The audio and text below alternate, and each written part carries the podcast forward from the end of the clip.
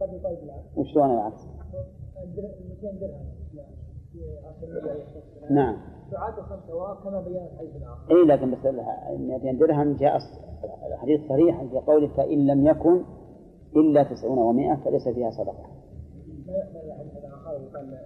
ما هي ما هو بضاحك لكن لا شك إنه بالنسبة لوقتنا هذا أن الاحتياط اعتبار الوزن. الوقت الحاضر عندنا اعتبار الوزن أحوط.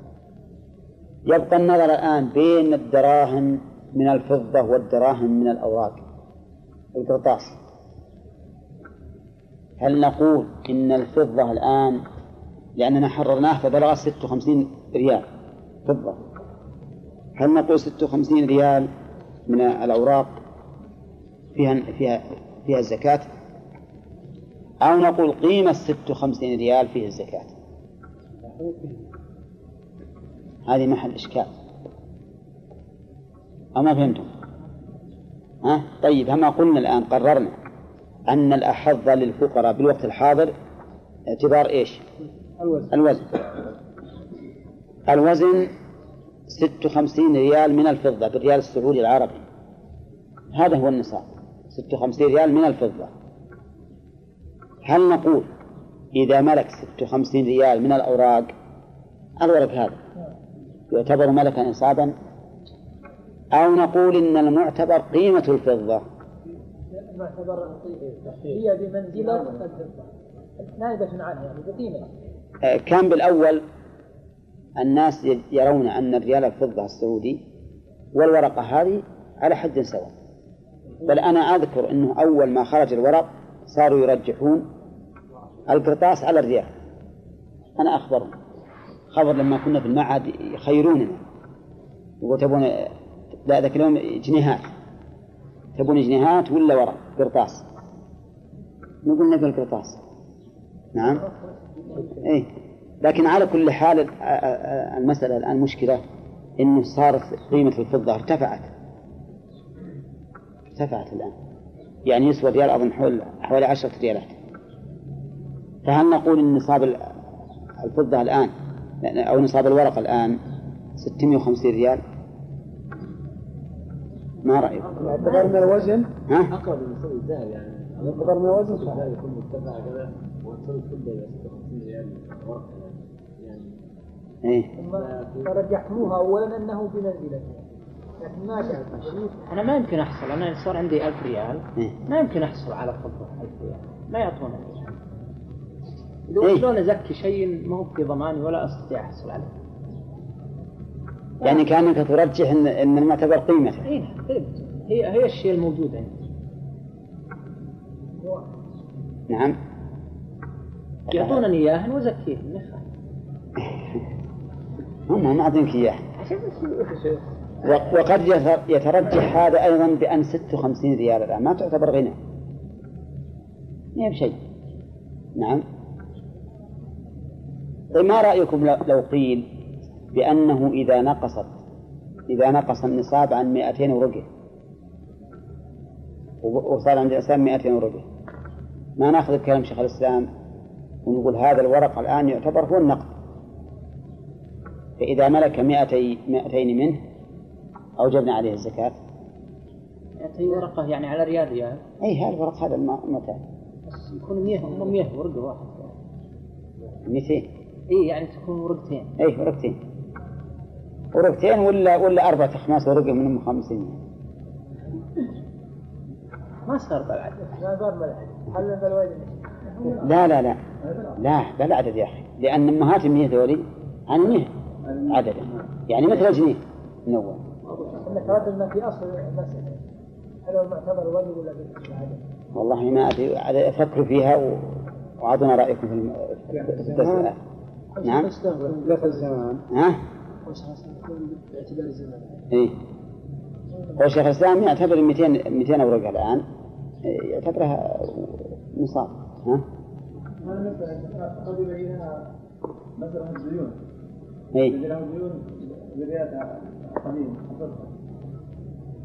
ياخذ بعددها أو بقيمتها. لا الديون الآن ما يعطونهم إلا بعددها فقط. مو بقيمتها. على كل حال أنتم تأملوها ونشوف أعطونا رأيكم إن شاء الله أعطونا رأيكم إن شاء الله غدا. لا تظنون حشي خلونا نوزع عليكم هذه اللي قبل تروحون. هذه محاضرة في الأسماء والصفات. نعم. أبو؟ عشرون مثقالا طيب. ولا تجب في الفضة حتى تبلغ نصابا ونصابها؟ نصاب 200 درهم 100 خمسة. درهم. 100 على كلام المؤلف. نمشي على كلام المؤلف. إيه 200 درهم إيه. 200 درهم. 200 درهم بالإضافة. و200 درهم خطأ. ها؟ خطأ. نصابه. إيه. نصابه 200 درهم. صح. 200 درهم. طيب. هل المعتبر العدد ولا الوزن يا غانم؟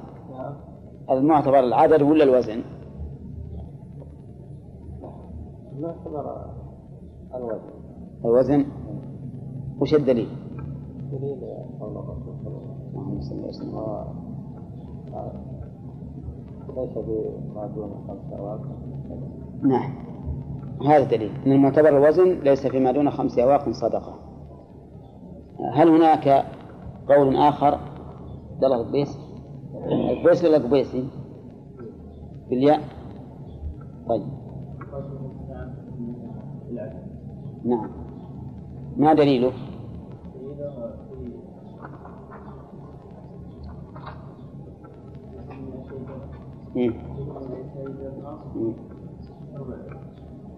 كتاب الصدقات الذي كتبه أبو بكر في كل مائتي درهم من الورق وهو في الرقة في كل مائتي درهم ربع العشر.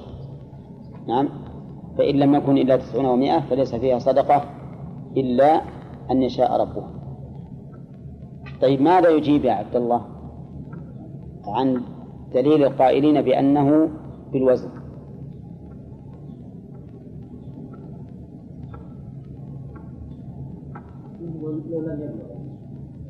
إيه اللي اللي يقول بالوزن يقول وإن لم يبلغ 200 درهم أو زاد على 200 درهم؟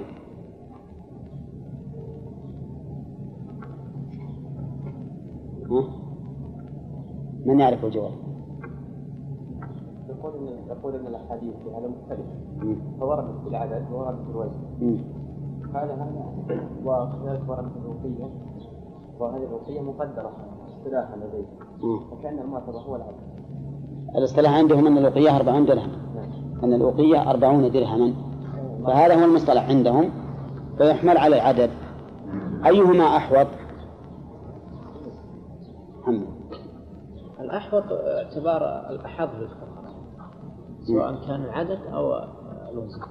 العدد أو الوزن. الأحظ إيه. وهو و- ويعمل به. ويعمل. فإذا كان مثلا الدراهم صغيرة إذا كان الدرهم ما صغير، تأتي خمس أواق.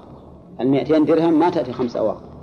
إيه الأحوط الوزن بل إذا كانت الدراهم صغيرة إيه. مئة الدرهم لا ت- لا تبلغ خمس أواق. إيه. فالمعتبر فالأحوط 100 درهم ما تبلغ خمسة مئتين ما تبلغ خمس أواق. إيه الأحوط آه، اعتبار العدد. الأحوط اعتبار العدد. نعم. وإذا كانت الدراهم كبيرة بحيث يكون نصف يعني المئة تكون خمس أواق الآن الوزن. الاعتبار الوزن نعم. هذا رأي جيد لا بأس به. أن نراعي في ذلك ما هو الأحظ للفقراء ونمشي عليه. بالنسبة للأوراق النقدية الآن يا صالح الرادي آه، كيف نصابها؟ وأنا قلت لكم أمس لعلكم تحررونها. أما الفضية هي 56 الأول لا الأوراق النقدية يعني. بقيمة من الفضة.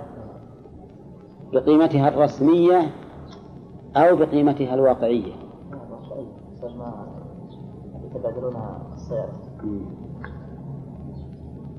طيب أحد عنده معارضة في هذا؟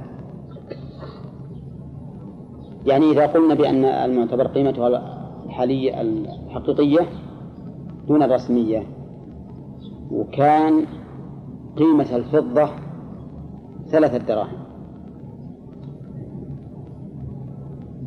كم يكون النصاب؟ كان في ثلاثة ريال خمس قصدي. إيه فهمت سرس 168 لا لا مو صدق ثلاثة ونص.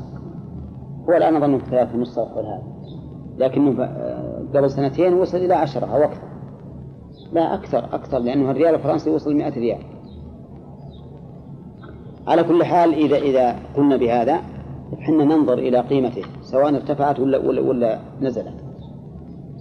أحيانا ربما تكون ست وخمسين ريال عربي فضة يقابلها خمسون من الورق. باعتبار الواقع. يعني يكون الناس عندهم رغبة للورق والفضة رخيصة. وبالعكس. طيب لو قال قائل أننا نأخذ أيضا بالأحوط في هذه المسألة ونقول إننا نعتبر قيمة الفضة ما لم تصل هذه الأوراق النقدية إلى العدد الم...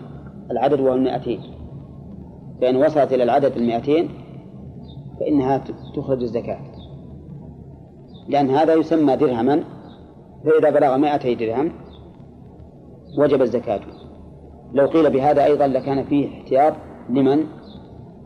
للفقراء. فيه احتياط للفقراء وتمشن على على القول.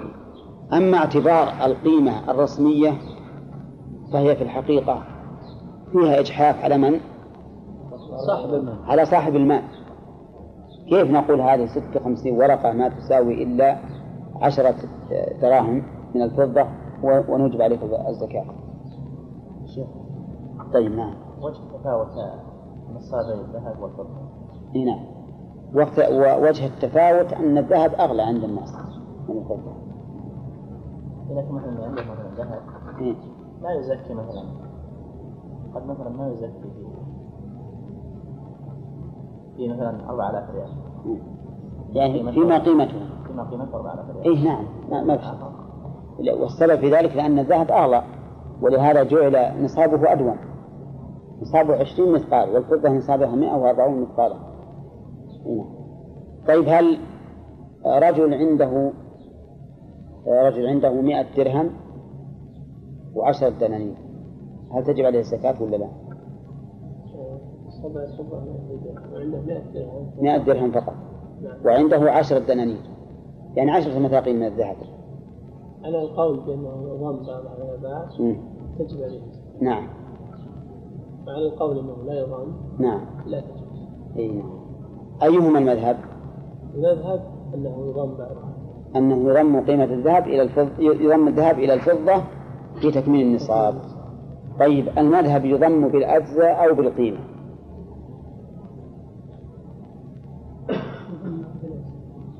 بالأجزاء. وش مثاله؟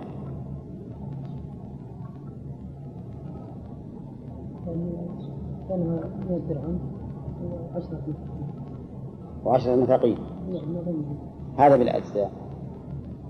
الذين يقولون أنه يضم بالقيمة. وش يترتب على هذا الخلاف؟ مثلا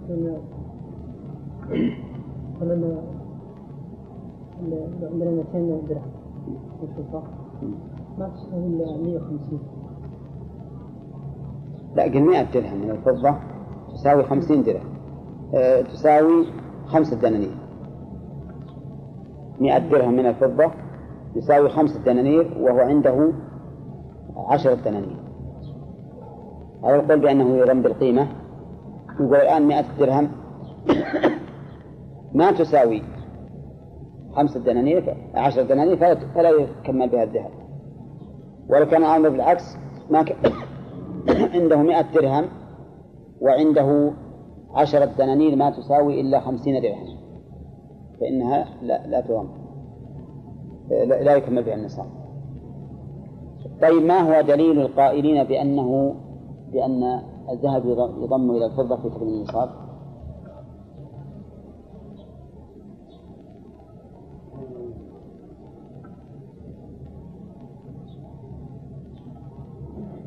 ها؟ ما تذكر؟ طيب شمسان؟ في لأن مقصد لأنهما أثمان الأشياء. نعم. الذهب والفضة نعم. وأثمان الأشياء ومقصودهما واحد فمقصودهما واحد. فيضم بعضهما. فيضم بعضهما إلى بعض. طيب. حجة القائلين بعدم بعدم الضم.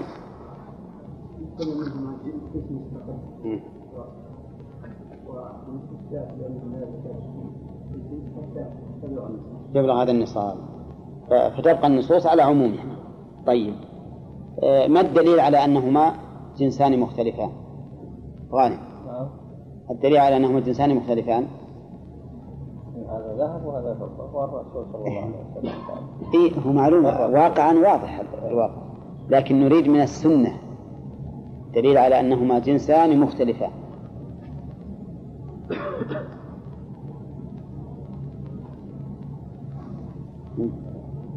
نسيت. عبيد.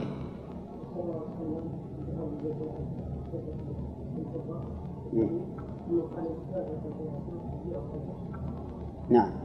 في باب الربا قال النبي عليه الصلاة والسلام الذهب بالذهب والفضة بالفضة والبر بالبر والتمر بالتمر والشعير بالشعير فإذا اختلفت هذه الأصناف فبيعوا كيف شئتم مع أنه ما يجوز بيع الذهب بالذهب إلا متساويا فدل ذلك على أن الذهب جنس مستقل والفضة جنس مستقل. طيب العروض هل تضم إلى الذهب والفضة في تكميل النصاب؟ نعم تضم. تمام كيف؟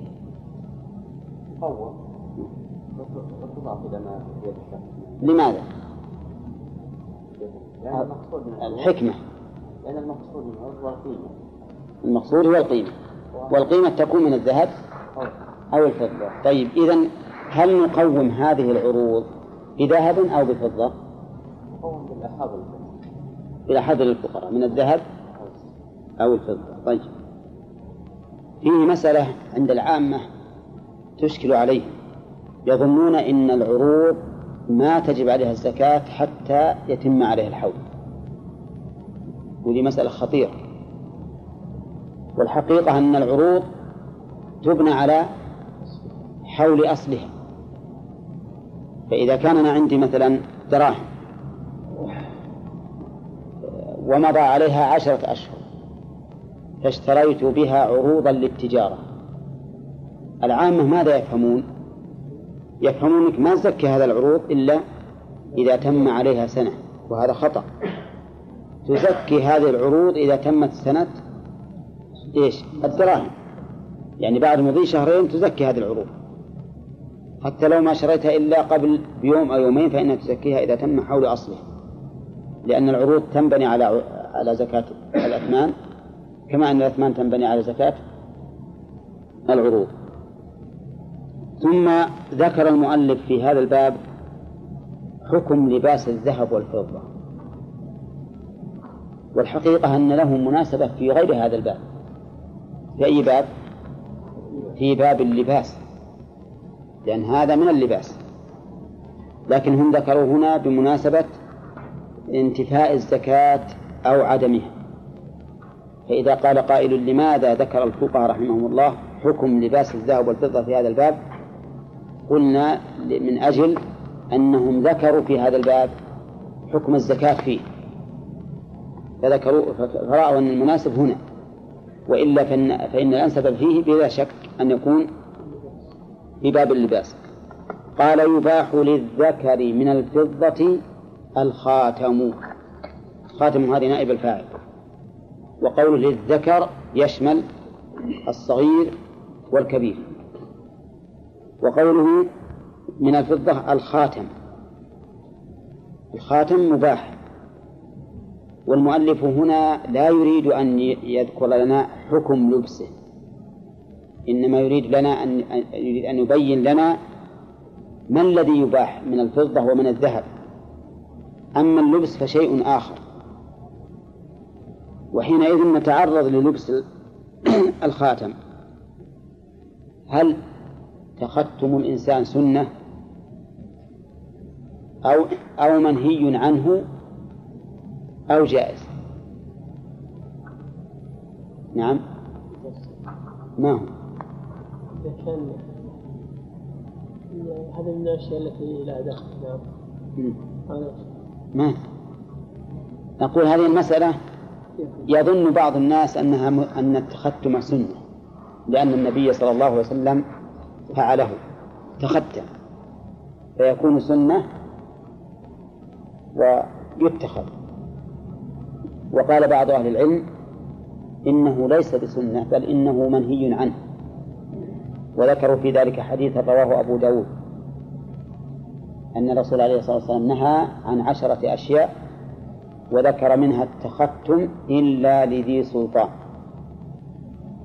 التختم إلا لذي سلطان. وهذا الحديث ذكر صاحب الفروع أنه حسن. أنه حسن فيكون مثبتا للنهي إلا لذي سلطان. لأن ذا السلطان ويشمل الحاكم والقاضي والأمير وما أشبه ذلك يحتاج إلى إلى الخاتم. والخاتم فيما سبق ما هو خاتم زينة؟ خاتم يوضع فيه اسم صاحبه. وقد كان نقش خاتم الرسول صلى الله عليه وسلم محمد رسول الله. محمد أسفل ورسول فوق والله فوق رسول. فكان يتخذ عليه الصلاة والسلام لإثبات الوثيقة التي يبعث بها إلى الملوك. فكل إنسان يحتاج إلى مثل هذا فهو سنة في حقه. نعم. إما سنة عادية أو سنة شرعية. وأما من لا حاجة له فإنه ينهى عنه لئلا يتشبه بولاة الأمور. وهذا ظاهر فيما إذا كان الخاتم منقوشا عليه اسم صاحبه. إذا نقول على هذا الرأي إنه يكره أن يتخذ الخاتم إلا إذا كان يحتاج إليه لإمارة أو قضاء أو ما أشبه ذلك. والقول الثاني في المسألة أنه جائز. وضعفوا هذا الحديث. وهو ظاهر كلام الإمام أحمد فإنه لما ساق هذا الحديث ووصل إلى النهي عن التختم ضحك كالمتعجب منه وهذا يدل على أنه ضعفه فإذا كان الحديث ضعيفا فما هو الأصل؟ ها؟ الأصل الحل والإباحة وقال بعض العلماء إنه سنة يستحب أن يتختم لأن النبي صلى الله عليه وسلم اتخذه ولكن هذا القول ليس بصحيح. والأقرب ما قاله المؤلف أنه يباح أنه يباح التختم. لو صح الحديث لكان فاصلا لكن الحديث اختلفوا في صحته. ولكن كما قلت لكم مثله في الفروع حسنه. فعلى من تبين له حسن الحديث وأنه حجة عليه أن يقول بالكراهة لأن الأصل في النهي أقل أحواله أن يكون مكروها. البحث الثاني. نعم. إي نعم. والله في الجزم فيه نظر لأن الحديث كما ذكرنا قبل عدة أيام إذا كان الحديث لا يصل إلى درجة قوية فإنه يحمل في في الأمر على الاستحباب وفي النهي على الكراهة من باب التورع الحالة الثانية إذا اتخذه الإنسان على سبيل التحلي به والتجمل. ما على أنه ختم يختم به ويثق به المكتوب. فهذا نقول أيضا على القول الصحيح أنه مباح. بل إن ظاهر كلام ابن مفلح وظاهر كلام شيخ الإسلام أن الأصل الإباحة في الفضة مطلقا. حتى يرد دليل على المنع. وليس فيه دليل على المنع من استعمال الرجل للفضة. فيجوز أن يلبس مثل خاتم ولو كان كبيرا. ولا حد له. على ظاهر كلام شيخ الإسلام ابن تيمية وتلميذه ابن مفلح لكن الفقهاء لا يرون ذلك. يرون أنه يباح له الخاتم وما ذكره المؤلف. البحث الثاني في مسألة الخواتيم. أين يضعه؟ في اليد اليمنى أو اليسرى. اختلفت الأحاديث في ذلك. الإمام أحمد رحمه الله قال يضعه في اليسرى فإنه أقر وأثبت لأن اليمنى يد العمل فقد لا يستقر فيها. وضعف الأحاديث الواردة عن النبي صلى الله عليه وسلم في التختم باليسار. قال باليمين قصدي باليمين. قال إنها أحاديث ضعيفة ولكن بعض أهل العلم صححها. وقال إنه ورد عن الرسول صلى الله عليه وسلم أنه تختم باليمين وتختم باليسار. فيكون الكل جائزا وإن كان الأكثر اليسار.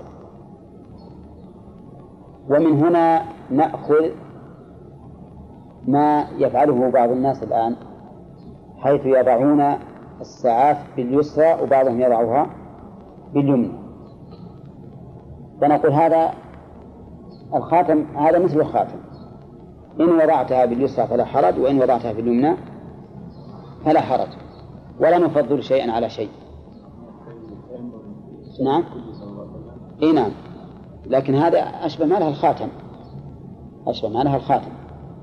لأنها في الحقيقة في ال... نعم وش الخلاف؟ ها؟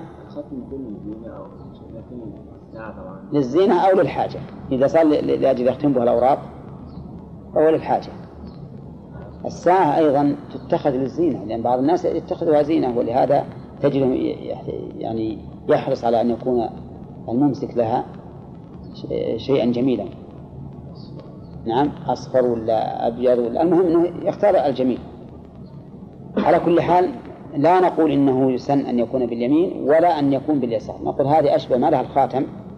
إن وضعتها باليمين فلا حرج وإن وضعتها باليسار فلا حرج. البحث الثالث أين يضع الخاتم بالنسبة للأصابع؟ فهمنا أين يضعه بالنسبة لليد. فأين يضعه بالنسبة للأصابع؟ يضعه في الخنصر. الخنصر أين هو؟ تعرف يا حسين؟ وين؟ هذا؟ أي طيب. يعني آه، الأصغر. الأصبع الصغير كما يقولون. هذا هو الخنصر. طيب وضعه في الإبهام والسبابة ورد النهي عنه. ووضعه في الوسطى والبنصر مسكوت عنه. فقيل إنه يكره إلا للمرأة وقيل إنه لا بأس به. فعندنا الآن خمسة أصابع. خنصر مطلوب أن يوضع فيه وإبهام وسطى منهي أن يوضع فيه. إبهام وسبابة قصد ووسطى وبنصر مسكوت عنه. فبعضهم قال الأصل الحل وبعضهم قال إنه يقاس على الإبهام والوسطى فيكره والأقرب أنه مسكوت عنه وأنه لا بأس أن يضعه في البنصر أو في الوسطى. عمل الناس الآن أين يضعونه؟ في البنصر. أكثر الناس يضعونه في البنصر. أكثر الناس يضعونه في البنصر. ولكن هذا ظاهر عادة ما عندهم قصد أن هذا سنة أو, أو, أو ليس بسنة. البحث الثالث أين يضع فصه؟ إن كان له فص. على ظهر الكف ولا على باطن الكف؟ نقول أن النبي عليه الوارد عن الرسول عليه الصلاة والسلام أنه يجعل فصه مما يلي الكف في الباطن. في الباطن لأنه أحفظ له. أحفظ له من أن يخدشه شيء. نعم فيتأثر به. فإذا جع فإذا جعله في الباطن فهو أسلم. أي لا هو عند العمل يقلبه لكن مجرد اللبس. ويجوز أن أن يجعله مما يلي ظهره. وقد روي ذلك عن ابن عباس من فعله. أما الوارد عن النبي عليه الصلاة والسلام فإنه يجعل يجعل فصه مما يلي باطن الكف. لكنه قد ورد عن ابن عباس من فعله أنه كان يجعل فص خاتمه مما يلي ظهر الكف. والأمر في هذا عندي واسع. أنه لو سواء جعلته مما يلي ظهر الكف أو مما يلي باطنه. إذا جعلته مما يلي حرف اليد. يجوز ولا لا؟ ها؟ مما يلي حرفه مو من داخل. من برا. مما يلي حرفه. ها؟ الأصل الحل لكن إن إن كان خيلاء فإنه يدخل علينا التحريم من هذه الناحية. لأن بعض الناس يجعله هكذا مع اليمين خيلاء البحث الرابع. السادس السادس يقول مزنا طيب نعم لا ومن البحث فيه. هل يكون الفص من جنسه أو من غيره؟ بمعنى إن هل, هل نجعل الفص من جنس ال- الخاتم فضة يعني أو نجعله من غيره؟ نقول ال- ال- هذا جائز أن يكون منه أو من غيره لكن يبقى النظر هل نكبره كثيرا أو نجعله بقدر متوسط. بعض الناس اللي تشو- تشوف خاتم عليه نعم يكبر الفصل جدا نعم يكون كأنه طباق الدوات. وبعض الناس يجعله متوسط متناسب أنا أخشى أن الذين يكبرون يدخلون في باب الخيلاء فينهون عن ذلك. ينهون عن ذلك.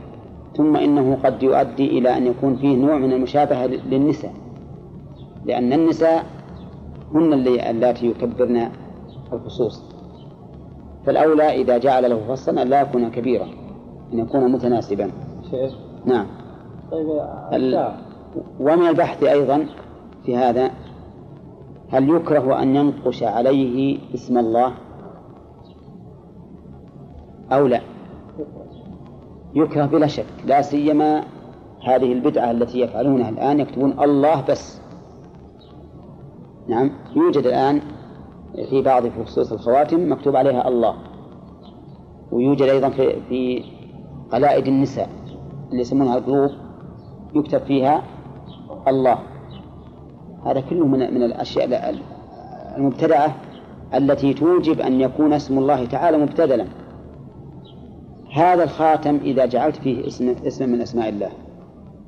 وقلنا إنه يجعل في اليسرى. فماذا تكون الحال عند الاستنجاء؟ نعم. الأمر خطير جدا. ثم إنك سوف تدخل بيت الخلاء. فلهذا نقول لا تكتب فيه اسم الله. فإذا قال قائل يرد عليكم خاتم النبي عليه الصلاة والسلام. فإن فيه محمد رسول الله. فما هو الجواب؟ قلنا الجواب على هذا أن حاجة لأن هذا اسمه أو صفته التي من أجلها يكتب للملوك فيقول إنه رسول الله. فهي حاجة.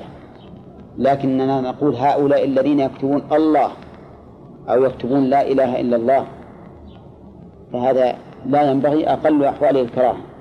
ولهذا كره العلماء أن يكتب على النقود أسماء الله أو ذكر أو ما أشبه ذلك. قالوا لأن في هذا ابتذال لأسماء الله سبحانه وتعالى بأن تكون بين الأيدي ترمى وتمتهن وهذا أمر لا ينبغي. نعم. الساعة ها.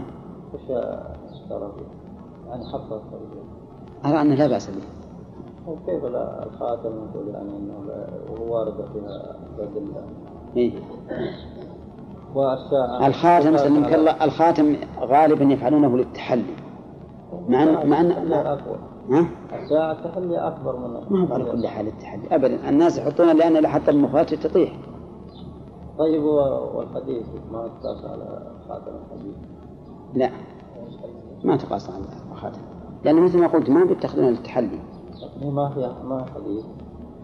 في مسألة, التختم بالحديد فيها الخلاف المعروف.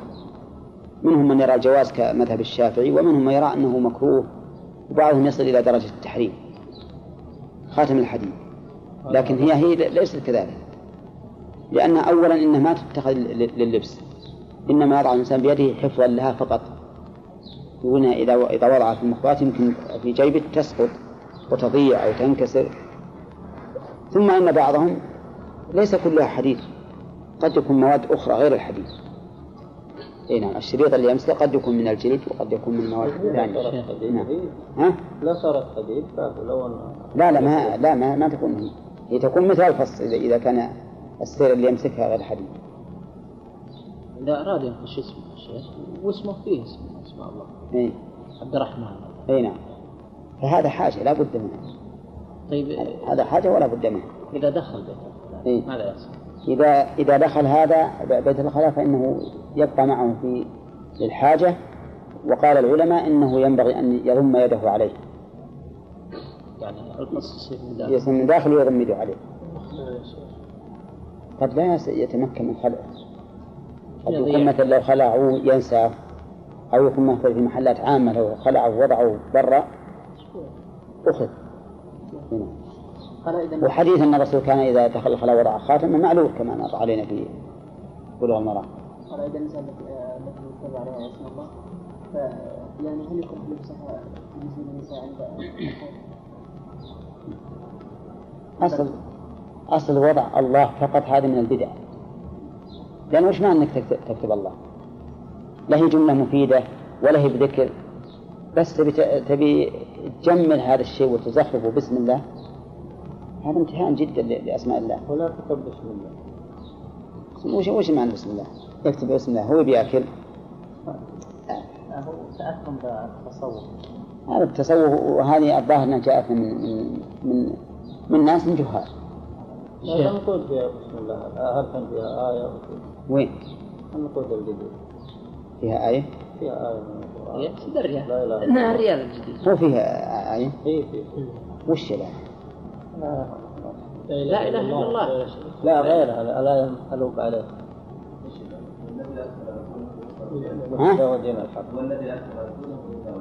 عجيب موجود أي نعم. إيه نعم. حلوك على لا إله إلا الله. والله ما أعلم. ها؟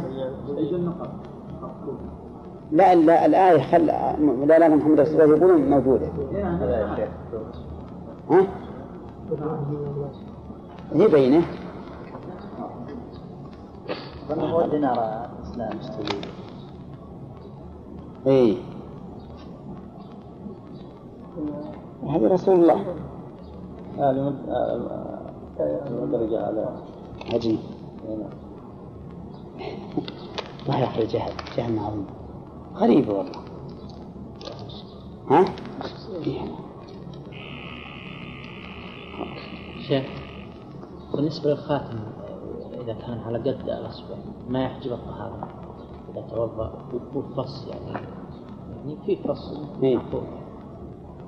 ما يحجب العلماء يقولون يحرك الخاتم حتى يدخل الماء فيما بينه وبين الجلد. وأظهر والله أعلم من هذه من الأمور التي يسامح فيها إلا إذا خرجت عن العادة. إلا العلماء يقول يحرك خاتمه. إذا كان مو واسع إذا كان واسع يكتب يندب إيه باقي هذه بحثنا الحقيقة آه، ينبغي أن نشوف عنه الخاطب والخطيبة الآن بدأوا يستعملون ما يسمونه الدبلة. لا عندنا تو حال. يمكن عندكم قديما أما عندنا آه، جديدة. هذه يقول أنه يكتب فيها الرجل يكتب اسم زوجته على الخاتم اللي هو يلبس. وهي تكتب اسم زوجه على الخاتم التي تلبسه. من المعلوم أنه إذا اقترن بهذا عقيدة أنه من من أسباب التأليف بينهما فإن هذا من الشرك. أليس كذلك؟ لأنه إثبات سبب لم يثبت شرعا ولا ولا واقعا. وهو من التولة التي ذكرها الشيخ محمد بن عبد الوهاب رحمه الله في كتاب التوحيد. لكن إذا لم تقترن هذه العقيدة بهذا الفعل فإن الشيخ الألباني ذكر أن أصل هذه من النصارى وأنهم يأتون إلى الكبير عندهم ويضع تعليمات ما نسيتها يقولها باسم الأب باسم الإبن باسم الروح باسم كذا ويمشي على الأصابع حتى تستقر في الإصبع المعين. فحينئذ يكون فيها آه، محذور آخر وهو التشبه بالنصارى. وعلى هذا فينبغي أن تحارب هذه هذه المسألة؟ حتى حتى بدون ت- بدون كتابة لأنها لا تخلو من عقيدة فيما يظهر يعني كذا كهدية يعني ما كهدية يعني لا هدية لا بأس به إذا بغى يهدي إذا بغى يهدي له خواتم وخروص وما أشبه هذا ما في مانع تذكارية لأن هو هي تهديه لا هم يقولون تذكارية هي. ترسل له إيه. خاتم. هو يلبس خاتم ذهب لا عاد إن كان خاتم ذهب صار حرام ما في إشكال. لكن إذا كان من الفضة. كل هذه الحقيقة عادات ما ينبغي ما, ما كان السلف يفعلون هذا. النبي صلى الله عليه وسلم رأى رجلا عليه خاتم خاتم ذهب. فنزعه النبي عليه الصلاة والسلام وطرحه. وقال يعمد أحدكم إلى جمرة من نار فيضعها في يده. فلما انصرف النبي صلى الله عليه وسلم قيل للرجل خذ خاتمك انتفع به. قال والله لا آخذ خاتما طرحه النبي صلى الله عليه وسلم وتركه. ففي قوله عليه الصلاة والسلام يعمد أحدكم إلى جمرة النار فيضعها في يده دليل على أنه محرم وأن الإنسان يعاقب على ذلك بالنار. ثم أن في حديث علي المشهور حل الذهب والحرير لإناث أمتي وحرم على ذكورها وهذا عام. ومن هنا ناخذ أنه يجب الإنكار على أولئك الذين يلبسون خواتيم من الذهب وهم رجال. وأقبح منه من يلبس سلاسل من الذهب كما يوجد عند بعض الناس المائعين. وأقبح من ذلك من يلبس خروصا من الذهب. إن سمعنا أن بعض الناس الذكور يلبس خرصا من الذهب في أذنه والعياذ بالله. وقول المؤلف وقبيعة وقبيعة السيف. قبيعة السيف مثل القبع. يعني ما يكون على رأس المقبض. السيف له مقبض يقبض الإنسان يقبض عليه به. هذا المقبض رأسه يوضع عليه فضة. يكون هذا جائزا. جائزا. والسبب في ذلك لأن فيه تقوية في الجهاد في سبيل الله. فإن الكفار إذا رأوا سيوف المسلمين بهذه المثابة عظموهم وقالوا إنهم أغنياء وأن لديهم قدرة مالية. ولهذا يجوز في الحرب من الخيلاء ما لا يجوز في غيره. مع أن الخيلاء حرام ومن الكبر لكنه لما كان فيها مصلحة عظيمة وهي إغاظة الكافرين جازت. كذلك حلية المنطقة يجوز للذكر أيضا أن يلبس منطقة محلاة بالفضة. المنطقة ما يشد على الوسط. يعني حزام مثل السبتة يربطه الإنسان على وسطه. هذه يجوز أن يكون أن تكون محلاة بالفضة ولكنه بشرط أن لا تكون خرجت إلى حد الإسراف. لابد أن تكون في الحدود التي لا تتعدى العادة. وقول المؤلف ونحوه نحوه مما يتعلق بآلات الحرب كالجوشن والخوذة والران وما أشبه ذلك. مما يلبس في الحرب فإنه يجوز لما فيه من إغاظة الكافرين. ومن هنا نأخذ أن المفاسد ليس على الإطلاق أن نقول درء المفاسد أولى من جلب المصالح. هذه القاعدة المعروفة عند أهل العلم درء المفاسد أولى من جلب المصالح. ما هي على إطلاقها متى تكون؟ إذا كانت متساوية. إذا كانت متساوية فإن درء المفاسد أولى من جلب المصالح. أما إذا عظمت المصالح وكانت أكثر فإنها تغتفر. المفاسد في جنب هذه المصالح. وذلك لأن المصلحة مع المفسدة إما أن تساويها أو ترجح المفسدة أو ترجح المصلحة. فمع التساوي ورجحان المفسدة وش الواجب؟ ها؟ الواجب التجنب. تجنب. وأما إذا ترجحت المصالح ولا سيما مع الرجحان البين فإنه يغتفر المفاسد. ولهذا أجاز الشرع بعضا من من من الأشياء الربوية من أجل المصلحة. مثل العرايا. بيع العرايا جائز مع أنه قد يؤدي إلى ربا. ما هو ربا محقق؟ ولذلك يجب أن تكون الرطب بخرصها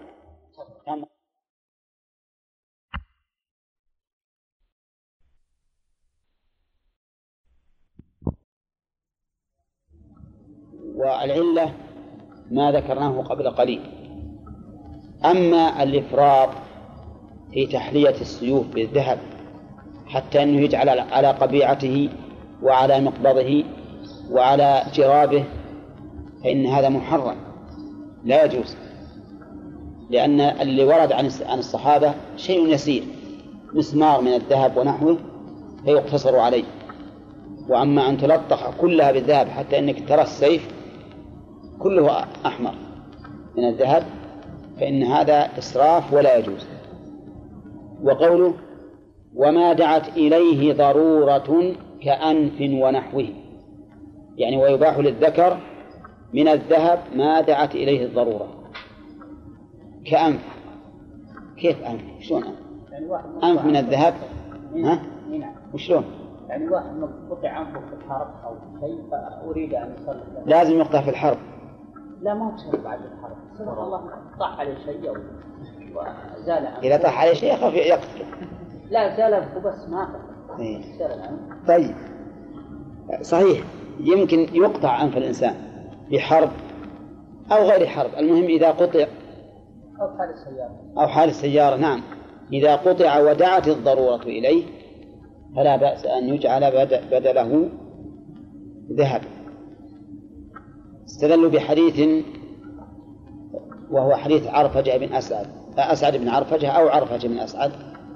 عرفجة بن أسعد أنه قطع أنفه يوم الكلاب فاتخذ أنفا من ورق من فضة فأنتن عليه فأذن له النبي عليه الصلاة والسلام أن يتخذ أنفا من ذهب أنفا من ذهب والذهب لا يصدع ولا ينتن فصار عليه أنفا من الذهب. ينتفع فيها. ها؟ ينتفع فيها كيف؟ أقول ينتفع فيها. أي ينتفع؟ فيه ل- لوقاية ال- الخياشيم. لوقاية الخياشيم وللجمال أيضا. لأن اللي مقطوع أنفه يكون فيه تشويه. لكن في الوقت الحاضر هل تدعو الضرورة إلى ذلك؟ لا ما الآن ما تدعو الضرورة إلى ذلك. لأنهم الآن يتخذون أنفا من البلاستيك المعمول وهو أنسب أيضا للوجه من من الذهب. حتى أنه بعض الأحيان يركب على الإنسان ويقابلك ما كأن عليه تركيبة. لكن الذهب إذا إذا لقاك يكون بين يكون فيه نوع من التشويه. والحاصل أن أنه لو دعت الضرورة إلى وجود أنف الذهب فلا بأس. وقول المؤلف كأنف ونحوه وش اللي نحوه؟ كالسن والأذن.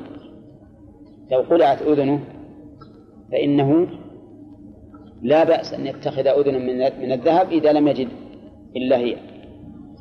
طيب يقول العلماء إن الأذن غير الأذن إذا قطع ثم أعيد في حرارته في الحال فإنه بإذن الله, بإذن الله يلصق. وتعود عليه الحياة. نعم. وهذا شيء مجرب في غير العضو. إذا حصل مثلا أنه انكشط جلد من يدك ثم أعدته حالا وأمسكته بأصبعك مثلا فإنه يلصق. يلصق ولا ينفتح. هذا شيء مجرب. ولكن مع ذلك العلماء يقولون إنه إذا أعادها بحرارتها فإنها قد تلصق وتبقى طبيعية. وه... وهذا يمكن أن يعلمه علماء التشريح ويكون أعلم من منا بهذا. وقوله ومما يدخل في قوله ونحوه السن. لو انكسر سن الإنسان فإنه يجوز أن يتخذ سنا من ذهب.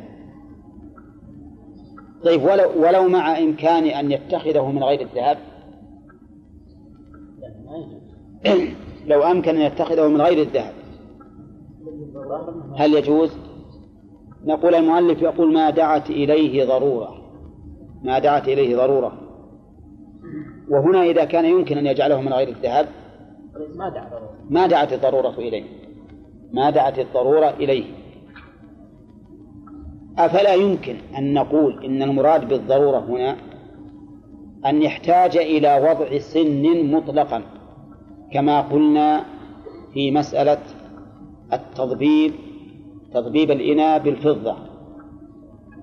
فإنهم قالوا يجوز أن يضبب الإناء بفضة مع أنه حرام إذا انكسر ولو أمكن أن يضبب بغيرها.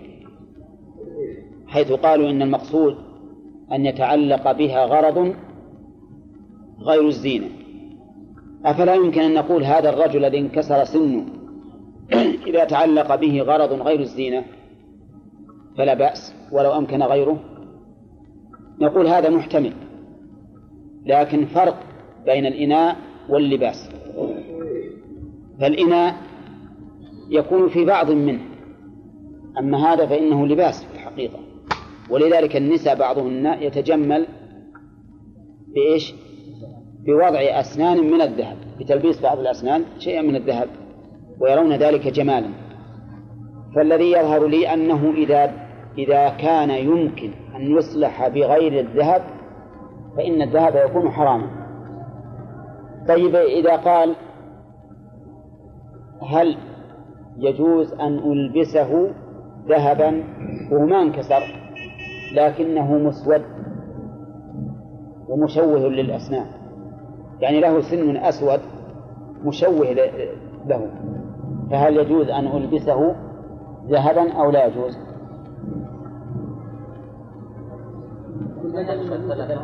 لا ما تلف. هو سليم. لكنه أسود. طيب ما يخشى من تلفه لكن ما بعد تلف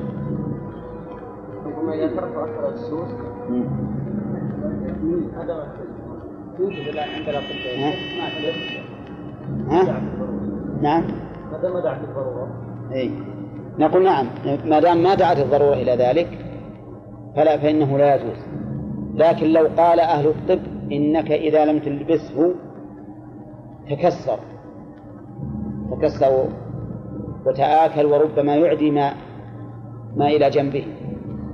فحينئذ نقول هذه ضرورة. ضرورة. فيجوز أن يفعله. نعم. آه، إذا قلنا أنه حرام. نعم. يعني مثل ما سبق هل يلزم بعد الآن؟ حصل. يلزم بنزعها أو نقول عادة نعم يلزم بنزعها ما لم يحصل عليه ضرر. إن قالوا ما يمكن نزعه إلا بنزع السن. الآن ما يمكن نزعه. نقول هذه ضرورة. بقاؤه الآن صار ضرورة. لا نفس السن. هنا يعني السن بدون تلبيس؟ لا سن ذهب. كامل يعني. إيه. طيب. قلنا أنه مو ضرورة إذا قالوا إذا قلنا أنه مو ضرورة فإنه يلزم بنزعه. إلا إذا قال إن نزعته سقط الذي إلى جانبه. صار ضرورة بقاؤه الآن. ولا يجب نزعه. كل شيء محرم ما يجوز الاستمرار فيه. نعم. إذا كان فيه أسنان من غير الذهب ولكن الذهب أقوى. أي يجوز الذهب. صار ضرورة الآن. إذا قال فيها أسنان من غير الذهب لكن الذهب أثبت. وأبقى صار ضرورة الآن. نعم. إيه. أما أجمل فهو غير وارد لأنه لا يجوز للذكر أن يتجمل بالذهب. وأما أنه أنظف ينظر إذا كان ال- الذي غيره يحصل به وسخ قد يضر بالإنسان؟ أو سواد ها؟ أو سواد فه- فهذا ضرورة. هذا ضرورة ما في بأس. كان شيخ السن قد تجيب بعض الأطعمة التمر أو العسل الأطعمة حلوة فيمكن أن يستخدم بهذا الذهب هل هذا يعتبر ضرورة؟ لا. إذا إذا إذا إذا تآكل وراح حط الذهب. الآن في وقتنا الحاضر في تراكيب عند الاطباء إيه. ولكن يقولون إن المواد الحلوة إنها تذيب. فيقولون انه تذيب؟ معين تذيب أي شيء. لأنه يقولون غير قابل له طيب إذا أحط الذهب. إذا علمت أن هذا الذي ال- ال- المادة أنه يذيبها الحلا أحط الذهب ما في. بس لو أنت إنسان مثلا امام أو سبحان الله. يعني كل واحد الإمام والمأموم كل واحد. يعني ما يؤدي إلى أن الناس يقولون هذا الامام وتظهر المظهر يعني. والله شوف سلمك الله إذا كان الإنسان معروف بالتقوى والصلاح فالناس ما هم ظانين بظن السوء. نعم إذا صار الإنسان يعني حالته ما إلى ذاك في الاستقامة فقد يظنون به ظن السوء. نعم؟ لو أننا أخذنا بهذه القاعدة قلنا كل من اضطر إلى شيء فإنه لا يجوز أن يفعله لا ما يخبر ما يخبر. إذا سألوه يخبرهم ما يخبر. لأننا لو قلنا بهذا كان ينفتح علينا أبواب كثير كان كل ما يج- يجوز الضرورة نقول ما ينفع ما يجوز لئلا يظن بدون ضرورة ها؟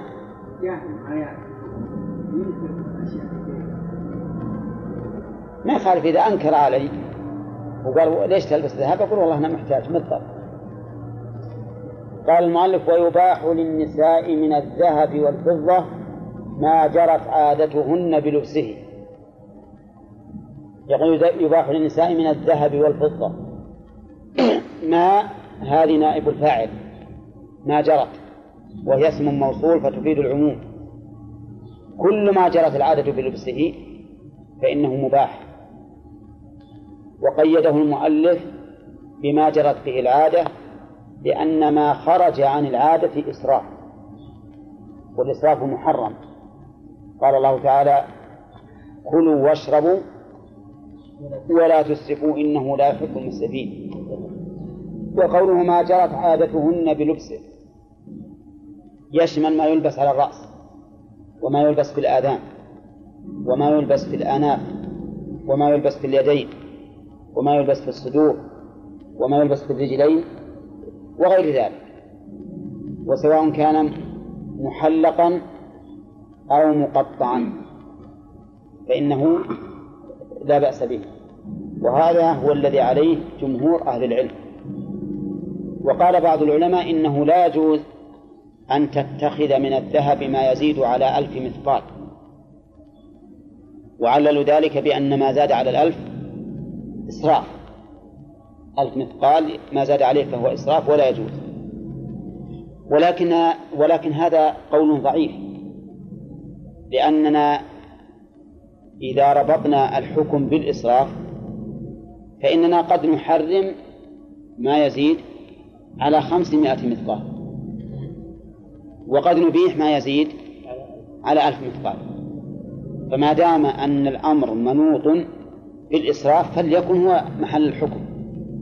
أما أن نقول هذا الألف يعتبر إسرافا فهذا قد يكون في عصر من العصور إسرافا وقد يكون في عصر من العصور غير إسراف وقد يكون ما دونه بكثير في عصر من العصور إسرافا.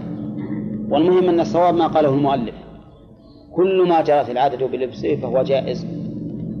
ومسألة المحلق ما كان الناس يعرفونها إلا بعد أن حصل من بعض أهل العلم كتابة في ذلك. وقالوا إن المحلق محرم. واستدلوا بأحاديث سلك فيها أهل العلم أحد مسلكين. إما أنها شاذة لمخالفتها للأدلة الصحيحة الكثيرة في جواز الخواتيم وهي محلقة.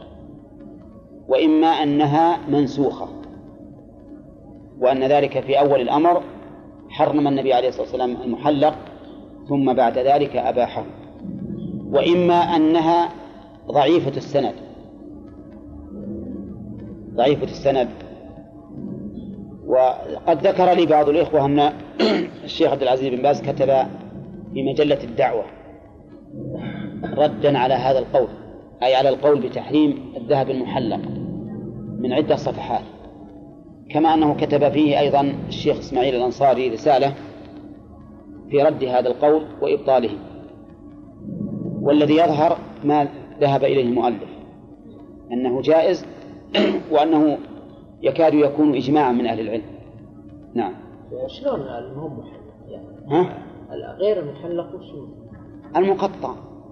يعني مثلا يكون مثلا شيء مثل الدراهم والدنانير أو شيء أو شيء كالأقلام. لا أقصد حلي للمرأة. إيه. يكون غير محلق إنه كثير. الرشارش الآن هي محلقة. ما تعتبر محلق لا. لأنه بس كبير لا لا الم- المحلق نفس ال- الذهب. نفس ال- الحلي محلق حلقة. أما هذه لا ما هي محلقة مقطعة. مقطعة منظومة بسلك أو أو نحو. نعم. نعم. طيب جاري العادة الحين أن الذهب ما خمسين ألف وستين ألف. هذا ما هو إيش؟ خمسين ألف يزيد من خمسين ألف ريال. أو ستين ألف. ما هو إسراف هذا إسراف إيه. خمسين ألف إسراف إيه. هو إسراف خمسين ألف؟ إحنا عندنا خمسين ألف الآن من وسط الناس. شيخ إسراف على القوم وإسراف على غير القوم نعم على صحيح. هو إسراف بالنسبة لبعض الناس. إيه. ولازم إذا صار جاري العادة لأن الآن شوف أنا عندي الآن بالوقت الحاضر والحمد لله أن خمسين الألف تعتبر من أوساط الناس. يعني من أوساط الناس. قل أن تجد امرأة ما ما عندها إلا عشرة آلاف وما أشبه ذلك. طيب ما دام في ناس ما هي يعني يكون ملايين عندهم الذهب. في ناس الساعة الواحدة تلقاها ب 200 ألف 300 ألف. ساعة ساعة واحدة اللي, اللي بعشرة ريال بالسوق طيب الضعيف هذا اللي ما يقدر هو مو بلازم مو هو بلازم يلبس الواحد. تظن ان ان ان قول المؤلف ويباح ما جرت به العاده إنه يجب ما جرت به العاده عندنا نجم نعم. من النساء يا شيخ ما يدري عن هذا نعم. وش من النساء ما يدري عن كلام المؤلف وراء. لأن لأن الآن غالب الحريم مثل ما قال غالب الحريم الحين تلبس من رجليه إلى إلى رأسه. كله ذا ما تشوفه من لا مشكلة. بدأت النساء الفقراء تناظر النساء إيه. فيحصل إزعاج للأزواج إزعاج عظيم. ولو يفعل الإسراف؟ إيه. ها؟ بالإسراف هو هذا مقيد ولهذا قال ما جرت به العادة. بالعادة صارت ها أحسنت. أن تدري أن ما خالف العادة وخرج عن العادة فهو اسراف ثم إن العادة ما هي عادة الع... عموم الناس؟ العادة لكل قوم بحسبهم. فالفقراء ليس عادتهم كعادة الأغنياء. وأهل البلد هذا ليس عادتهم. كالبلد الآخر. لكن ما رأيكم في قول ما جرت به العادة هل المراد ما جرت به العادة قدرا أو ما جرت به العادة جنسا ها؟ يعني افرض أن امرأة أتت من بلد بعيد وجاءت بنوع يعني يختلف عن اللي موجود في البلاد بالصنعة يختلف بالصنعة لكن القدر ما هو كبير هل يجوز هذا ولا ما يجوز؟ إذا نرجع إلى القدر. نرجع إلى القدر. أما النوع فإنه لا يظهر أنه حرام. ما يظهر أنه حرام. وإن كان هذا النوع ربما يصير سببا لإزعاج الناس مثل ما قال الأخ عبد العزيز إنه ما دام إنه شيء جديد عادة الناس إنهم يتركون الأول ويأتون بال- بالجديد. ولهذا الآن حسب ما نسمع من النساء إنه إذا جاء صنعة جديدة هذه السنة لو كان الذهب اللي عندها والحلي اللي عندها جديدا وتنتفع به ومسرورة به إذا جاءت الجديد هذا نعم راحت تبيعه خسارة تبيعه بنصف القيمة علشان تشتري هذا الجديد. وهو ما يعبر عنه بالعصر الحاضر ها؟ بالموضة. بالموضة. هذه مشكلة في الحقيقة. هذه مشكلة ولكن ما- ماذا نقول يعني؟ يا شيخ هذه فطرة في المرأة أم أنها جهل بعد المال لا هذه للشهادة هذه فطرة ما إلها إلى هذه الأشياء فطرة. ولهذا قال الله عز وجل أو من ينشأ في الحلية وهو في الخصام غير مبين. ما تعاتب على شيء. ما تعاتب لكن ينبغي عاد إنه ما إنه يحد من من طل- طلباتها ورغباتها نعم. يقول ان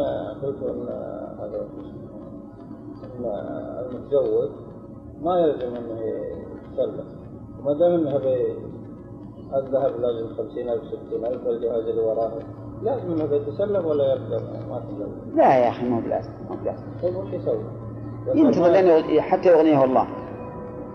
يقول يبقون الناس أكثر الفقراء كلهم رجال آه ما- ما بقول لا هذا موجودين الآن يتزوجون. يزوجون بالدور كل ما تبدل هذه سلمك الله تبي حل جذري مسألة المهور. ما ما هي مشكلة أنت تحل في مجلس علم؟ تبي مسألة تبي دراسة حقيقية وتبي من ولاة الأمور معالجتها. معالجة من ولاة الأمور. تسمع لك في شيخ حديث فيهم بعض القناعة يعني قناعة عدم حب المال علشان لعل الناس لا يكفي حديث واحد صحيح. يجوز تحديد يا شيخ. لما طرقنا نعم. الامتثال. إي نعم نعم. ولا النصوص واضحة لا الحمد. الح- الكلام على الامتثال. والحقيقة أن مسألة المهور هذه مشكلة عويصة. تحتاج إلى ن- نظر من ولاة الأمور ووجهاء البلاد. كيف يتخلصون منها؟ اشتغالها الحلي نعم. ها؟ الحلي والطمع. والله أنا عندي الحلي بالنسبة للحاضرة ما هو مشكلة.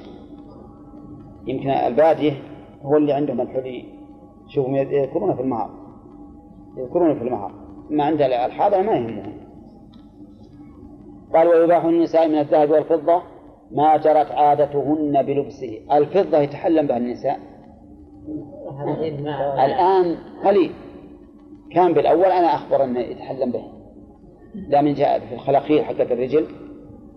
غالبا ما تكون من الفضة. وكذلك أيضا ما يوضع من الأسورة في اليد تكون من الفضة. لكن الآن الحمد لله بواسطة كثرة المال صار لا يتحلن بهذا طيب غير غير الذهب والفضة يجوز؟ يجوز. لا إذا كان لو هو أغلى؟ له. نعم ولو كان أغلى. إلا إذا وصل إلى حد الإسراف. والإسراف مجاوزة الحد. والحد يختلف باختلاف الش- الشخص وباختلاف العرف. فإذا وصل إلى حد الإسراف فهو ممنوع. قال المؤلف ولو كثر لو هذه إشارة خلاف يريد به أن ما ما ذكره بعض أهل العلم أنه لا يجوز ما زاد على ألف مثقال وليسمع غانم هذه هذه العبارة ولو كثر. ما جرت به العادة ولو كثر. نعم. قال ولا زكاة في حليهما المعد للاستعمال أو العارية. نعم.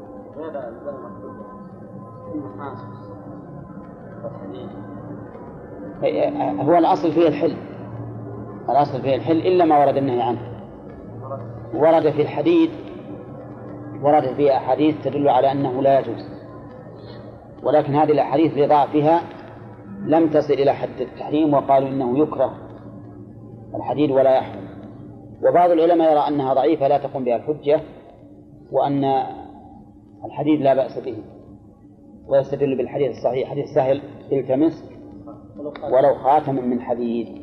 وما دامت المسألة فيها هذا النص وإن كان ضعيفا فالأولى تجنب الحديد أما غيره من الرصاص والصفر وما أشبهه فلا بأس به. نعم. ها؟ تحريمه؟ جواز الذهب المحلق. نعم.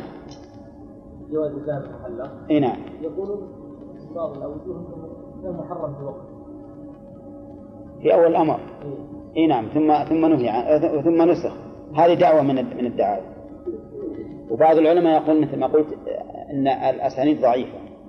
وبعضهم يقول الأسانيد ما فيها شيء لكنه شاذ لمخالفة الأحاديث نعم. ويصح التحريم ها؟ يصح التحريم على النساء الذهب. الصحيح أنه ليس حراما. إن الذهب بجميع أشكاله وألوانه بالنسبة للنساء حلال. لا ما سبق له التحريم. نعم. ما سبق ما ما سبق له التحريم الظاهر والله أعلم. إذا صحت الاحاديث في التحريم إنه حرم في أول الإسلام لقلة المال. ولئلا يحصل في ذلك لعب. نعم. في المال فلما فتح الله على المسلمين وكثر كثر المال عندهم رخص فيه يجوز يا شيخ العالم إن يحرم ما الضرر على الناس وان يعني مثلا يفتح باب اسفار أو باب إزعاج للازواج والحاكم يقول ما زاد عن كذا حرام. لا ما يقول حرام لكن يمنع منه لأجل المصلحة. من التحريم التحريم إلى الله ورسوله ما حد يحرم. قال ولا, ولا زكاة في حليهما الضمير في قول حليهما يعود على الرجل والمرأة المعد للاستعمال أو العارية. وإن أعد للكراء أو النفقة أو كان محرما ففيه الزكاة. فقول المؤلف أو كان محرما يقتضي أن نزيد في الأول ولا زكاة في حليهما المباح. يجب أن نزيد المباح. المعد للاستعمال أو العارية. إن أعد للكراء أو النفقة. ذكر الآن الإعداد لأربعة أمور. الاستعمال والعارية والكراء والنفقة. هل يمكن أن يعد لغير ذلك؟ نعم يمكن تتخذ المرأة حلي. لا تريد استعماله ولا عاريته ولا كراءه ولا نفقته. بس شرت حلي وخلته عنده. ومع ذلك نقول تجب فيه نقول لا زكاة فيه. نقول لا زكاة فيه. وقد نقول فيه الزكاة لأن المؤلف ما نفى الزكاة إلا على ما أعد للاستعمال أو العارية. فعندنا أغراض أربعة ذكرها المؤلف وصرح فيها. الاستعمال والعارية والكراء والنفقة. بالكم يا جماعة. نشوف الأغراض الأخرى نذكرها فيما بعد. قال المؤلف المعد للاستعمال فقوله المعد لا يلزم منه أن يستعمل. فإذا كان عند المرأة حلي أعددته أعددته أو أعدته للاستعمال لكنها لا تستعمله إلا نادرا. فليس فيه زكاة. كذلك لو كان عندها حلي لا تريد استعماله لكنه للعارية. مثل امرأة كبيرة اشترت أسورة صغيرة. تريد أن تعيرها للبنات الصغار. فليس عليها زكاة. وهذا هذه المسألة فيها خلاف بين أهل العلم. منهم من قال إنه لا زكاة فيه كما قال المؤلف. واستدلوا بالأثر والنظر. أما الأثر فهو ما روي عن جابر بن عبد الله رضي الله عنهما أن النبي صلى الله عليه وسلم قال ليس في الحلي زكاة. ليس في الحلي زكاة. وبأنه روي عن خمسة من الصحابة رضي الله عنهم منهم أنس بن مالك أنه لا زكاة فيه. وأما النظر فقالوا لأن الحلي الآن غير مرصد للنماء. غير مرصد للنماء. فهي ما أعدته للتجارة ولا أعدت أعدته للنفقة ولا أعدته للكراء فهو غير مرصد للنماء فلا تجب فيه الزكاة. كالثوب والعباءة ونحوها. هذا ما استدلوا به. وقال بعض أهل العلم إن فيه الزكاة لكن زكاته من جنس الانتفاع به. فإذا كان ينتفع باللبس ينتفع به باللبس فزكاته عاريته. لأنك الآن ما هو ما هو انتف... هذه المرأة ما هو انتفاعها بهذا الحلي؟ ها؟ اللبس. إذا فزكاتها من جنس انتفاعها وهي العارية. فإذا لم تعره وجبت عليها الزكاة. الزكاة النقدية. فيكون على هذا الواجب إما إعارته أو زكاته. وهذا ما قواه ابن القيم فقال إن الأقوى وجوب زكاته أو عاريته لأجل أن لا يخلو أن لا يخلو من زكاة. وقال بعض العلماء إن الواجب أنه إنها تجب فيه الزكاة. تجب فيه الزكاة وعينا فيخرج ربع عشره. ربع العشر تخرج ربع عشره.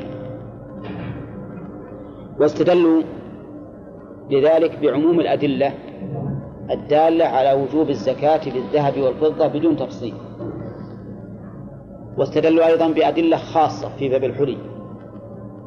كحديث عبد الله بن عمر بن العاص أن امرأة أتت النبي صلى الله عليه وسلم وفي يد ابنتها مسكتان وفي رواية غليظتان من ذهب. فقال أتؤدين زكاة هذا؟ قالت لا. قال أيسرك أن يسورك الله بهما سوارين من نار؟ فألقتهما وقالت هما لله ورسوله. وله شاهد من حديث عائشة وأم سلمة رضي الله عنهما. ولأن الأصل في الذهب والفضة وجوب الزكاة إلا ما دل الدليل عليه ولا دليل على إخراج الحلي منه. وأجابوا عن قولهم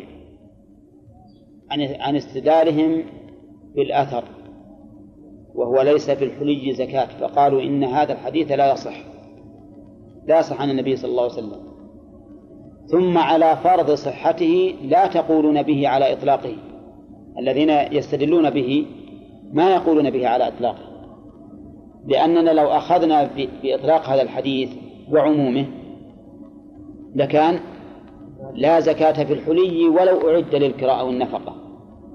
لأن الحديث عام وهم لا يأخذون به. فيقال إذا جعلتم هذا الحديث عاما مخصوصا فأين دليل التخصيص؟ هذا على فرض صحته. لكن ما دام الحديث لم يصح فإننا لا, لا نقول به. وأما الآثار الواردة عن الصحابة رضي الله عنهم فإنها تعارض بآثار عن عن صحابة آخرين. وعند التنازع يجب الرجوع إلى الكتاب والسنة سواء من أقوال الصحابة أو غيرهم. وأما قولهم إنه غير مرصد للنماء فنقول إن الذهب والفضة لا يشترط فيهما الرصد للنماء. بدليل أن الإنسان لو كان عنده دراهم أو دنانير قد اختزنها. ولا يبيع بها ولا يشتري وإنما يأكل منها أو أعدها لزواج أو لشراء بيت أو لحاجات ضرورية. تجب فيها الزكاة ولا لا؟ تجب فيها الزكاة. فالذهب والفضة لا يشترط أن يكون مرصودا للنماء لوجوب الزكاة في عين وجوب الزكاة في عينه. وبهذا تم الجواب عن أدلة القائلين بعدم الوجوب. ثم إن هؤلاء الذين يقولون بعدم الوجوب هم في الحقيقة قاسوها على الثياب وشبهها. وهذا القياس باطل لعدة أوجه. أولا لأنه في مقابلة النص. وكل قياس في مقابلة النص فإنه فاسد الاعتبار ولا عبرة به. وما الأقيسة الباطلة المخالفة للنص إلا اتباع للهوى والظن. والله سبحانه وتعالى نهى عن ذلك. والعالم القائس قياسا فاسدا لمقابلة النص قد يكون معذورا. يعني بمعنى أننا لو قلنا بأن هذا القول باطل ومخالف للنص فإنه لا يلزم منه القدح بقائله. لماذا؟ لأنه قد يكون مجتهدا معذورا. لكن الكلام على أننا نبطل القول مهما كان قائله إذا كان مخالفا للكتاب والسنة ونعذر القائل المعروف بالنصح للأمة وتحري الحق. وأيضا نقول إن قياسه على الثوب غير صحيح وشبهه. لأنكم أنتم بأنفسكم تنقضون هذا. لو كان عنده ثياب أعدها للكرة فيها زكاة ولا لا؟ لا ما فيها زكاة على المذهب. على المذهب لا زكاة فيها. وأنتم تقولون إذا كان عنده حلي معدل للكراء نعم. فيه الزكاة. فبطل القياس. أيضا تقولون إذا أعد للنفقة وجبت فيه الزكاة مع أنه لو كان عند الإنسان أثاث معد للنفقة كلما احتاج باع منه وأكل فيه الزكاة ولا لا؟ ها؟ ليس فيه الزكاة ليس فيه الزكاة وهذا يدل على بطلان القياس وأيضا لو كان عند الإنسان ثياب للاستعمال. ما فيها زكاة. أولى الثياب للاستعمال ما فيها زكاة.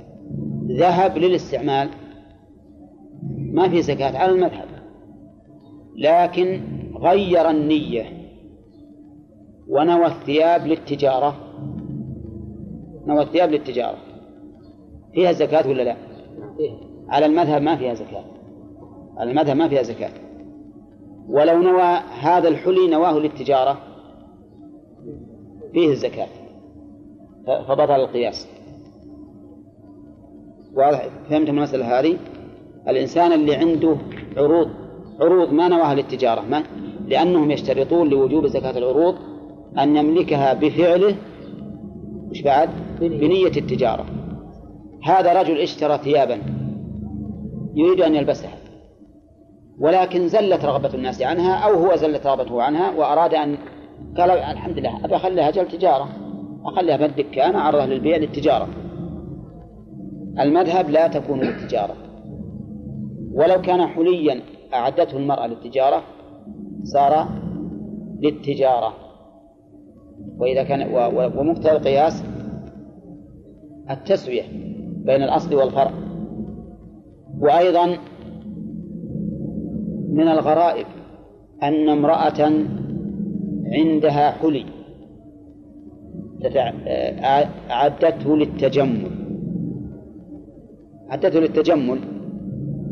والتجمل من ضرورات الحياة أو من كمالياتها؟ من كمالياتها. نقول هذه المرأة اللي عندها هذا الحلي للتجمل ليس عليها زكاة. وامرأة أخرى عندها حلي أعدته للنفقة. فقيرة ما ما قصد التجمل لكنها أعدته للنفقة كلما احتاجت باعت وأكلت واكتست عليها الزكاة ولا لا؟ عليها الزكاة وكان مقتضى الحكمة أن تكون الزكاة على من؟ على من تريده للكماليات لا على من تريده للضروريات فتبين بهذا أن أن النص والنظر الصحيح والقياس الصحيح كله يدل على أن الزكاة واجبة فيه. وهذا هو الذي ذهب إليه أبو حنيفة وأصحابه فقالوا بوجوب الزكاة في الحلي. وكذلك ذهب إليه كثير من من أهل العلم ومن ومنهم الشيخ عبد العزيز بن باز فإنه يرى وجوب الزكاة في الحلي. والإنسان يجب عليه عند النزاع أن يرد الأمر إلى الكتاب والسنة. لا يختار الأسهل للناس بل يختار ما به براءة الذمة. ولا ريب أن القول بالوجوب مع كونه أظهر دليلا أظهر دليلا وأصح تعليلا هو مقتضى الاحتياط. فإن المرأة التي تخرج الزكاة عن حليها أبرأت ذمتها بيقين. ولا يقال إنها على خطر لأن القائلين بعدم وجوب زكاة الحلي لا يقولون بتحريم الزكاة. لكن إذا لم تخرج فإن أهل العلم بعضهم يقول إنها وقعت في محرم في محرم. وما دام وما دام عندنا احتياط فإن الأولى سلوكه الأولى أن يسلكه الإنسان هذا مع تكافؤ الأدلة وتماثلها. فكيف عاد إذا رجحت أدلة القول بالوجوب؟ فيتعين القول به. نعم.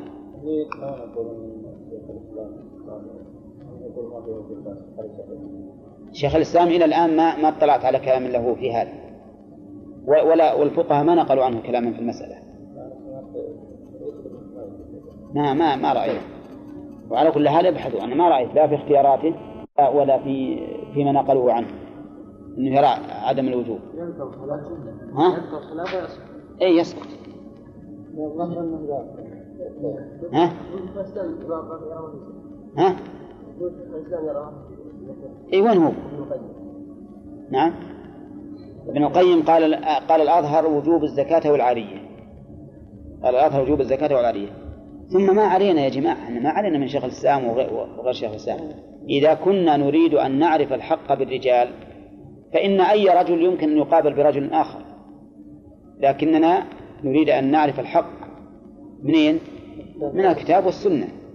إنما لا شك أن العلماء الذين لهم قدرهم ووزنهم في العلم والأمانة والفهم أنهم إذا اختاروا شيئا فإن الإنسان قد يتوقف في الشيء حتى يتبين أكثر. نعم. مثل ما قلنا لكم فيما سبق أنكم إذا رأيتم حديثا أو دلالة من آية كان عليها جمهور العلماء إن كان جمهور العلماء على خلافها فإن الواجب أن لا نتسرع في الأخذ بهذا الظاهر حتى نردد ونفكر في الأمر كثيرا. بخلاف شيء بخلاف شيء عليه الجمهور فإنه يسهل عليك أن تأخذ به. كذلك هذه المسألة إذا رأينا مثل أحد العلماء المعروفين بالعلم والفهم والأمانة والدين على خلاف قول فإنه ينبغي أن نتأنى أكثر. لأن وخصوصا شيخ الإسلام فإن هذا الرجل عنده من العلم وعنده من الفهم والإيمان. نعم والتقوى ما يجعل أكثر اختياراته موافقة للصواب. لكنه هو كغيره ليس بمعصوم من الخطأ. والله أنا تغربت ها؟ أقول أنا تغربت لأن الادله وهذا أي. لا الشيخ مثل ما قال الأخ محمد يقول يذكر الخلاف ولا يرجح. يذكر الخلاف ولا يرجح. ولا يلزم ولا يلزم من كونه لم يقل بالوجوب أن يكون قد قال بعدم الوجوب. نعم. وأنتم على كل حال راجعوا المسألة هذه. لأن أنا إلى الآن ما ما رأيت في كلام شيخ الإسلام كلاما يدل على نفي الوجوب أبدا ليش إنه يختار هذا الشيء. خطبنا في هذا على المنبر يوم الجمعة في أول رمضان عام إيه. الزكاة نعم آه، حصل في الكلام بعد الخطبة كلام للشيخ في الختام بعدم ال- ال- الحلي اللي يستعمل لا زكاة عليه. أي فالحقيقة حصل يعني مشكلة عند العوام كثير إيه. قالوا أنتم منين يجيبون الخطب هذه وأنتم كذا و إيه. يعني صار عندهم يعني والله ما هو الحقيقة مثل هذه لو كنت لو كنت لو كنت في مكانه ما ما ما علقت بعدم الوجوب لأنه ما يمكن يعلق برد كلام خطيب منصوب للخطابة إلا بمخالفة النص صريحا. ولا ما يجوز. لأنك إذا رد- رددت على الخطيب ولا سيما إذا كان القول الراجح معه فقد جنيت على الشرع وجنيت على نفس الخطيب ليس على شخصه بل على كل ما يمكن أن يوجه من هذا المنبر. لأنه يصبح عد... يعني يصبح عدم الثقة فيه موجودة في الأذهان. وهذا خطأ عظيم أن يقوم إنسان في أما لو أن الخطيب خالف النص واضح مثل قال أيها الناس إنكم إذا صليتم بلا نية فصلاتكم صحيحة لأنكم أديتم الصلاة. هذا نعم نقول نقول هذا غلط. إنما الأعمال بالنيات وإنما لكل امرئ ما نوى. أما مسألة اجتهادية ويقام ويرد على الخطيب هذا خطأ الحقيقة. أنا لا نرى أن هذا تصرف ليس بصحيح. نعم إذا كان أنك ترى أن الخطيب على خطأ والمسألة من باب الاجتهاد. فالحكمة أنك تتصل به شخصيا وتبين له. وكون الأمر يأتي إذا تبين له الحق يأتي من عنده هو يبطله أفيد. أليس كذلك؟ لأنه إذا أبطله غيره وهو سكت فإن الآخرين الذين يثقون بهذا الذي قيل إنه أخطأ لا لا يتزحزحون عن هذا الخطأ ويبقون معه. لكن إذا نبه صاحب الخطأ فيما بينك وبينه وتبين له الصواب فإنه هو الذي بنفسه يتولى يجب عليه أن يتولى بيان خطأه. هنا قال كان عبد العزيز عبد العزيز طالب بالراديو. لا يقول عقب ما خطبنا. إيه في- هو- في نفس لا- المسجد. لا هم سمعوا كلامنا في الكلام بالراديو. آه يوم الجمعة. خلنا نعلق التعليق الطويل العريض. الله يهديك.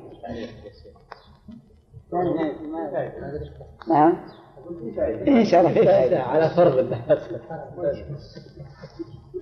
في فائدة نعم لا هو الحقيقة لما خطبنا يوم الجمعة. لا الحقيقة إن شاء الله النية طيبة. هذه صار فائدة من المدى الله صار فيها فائدة. نعم.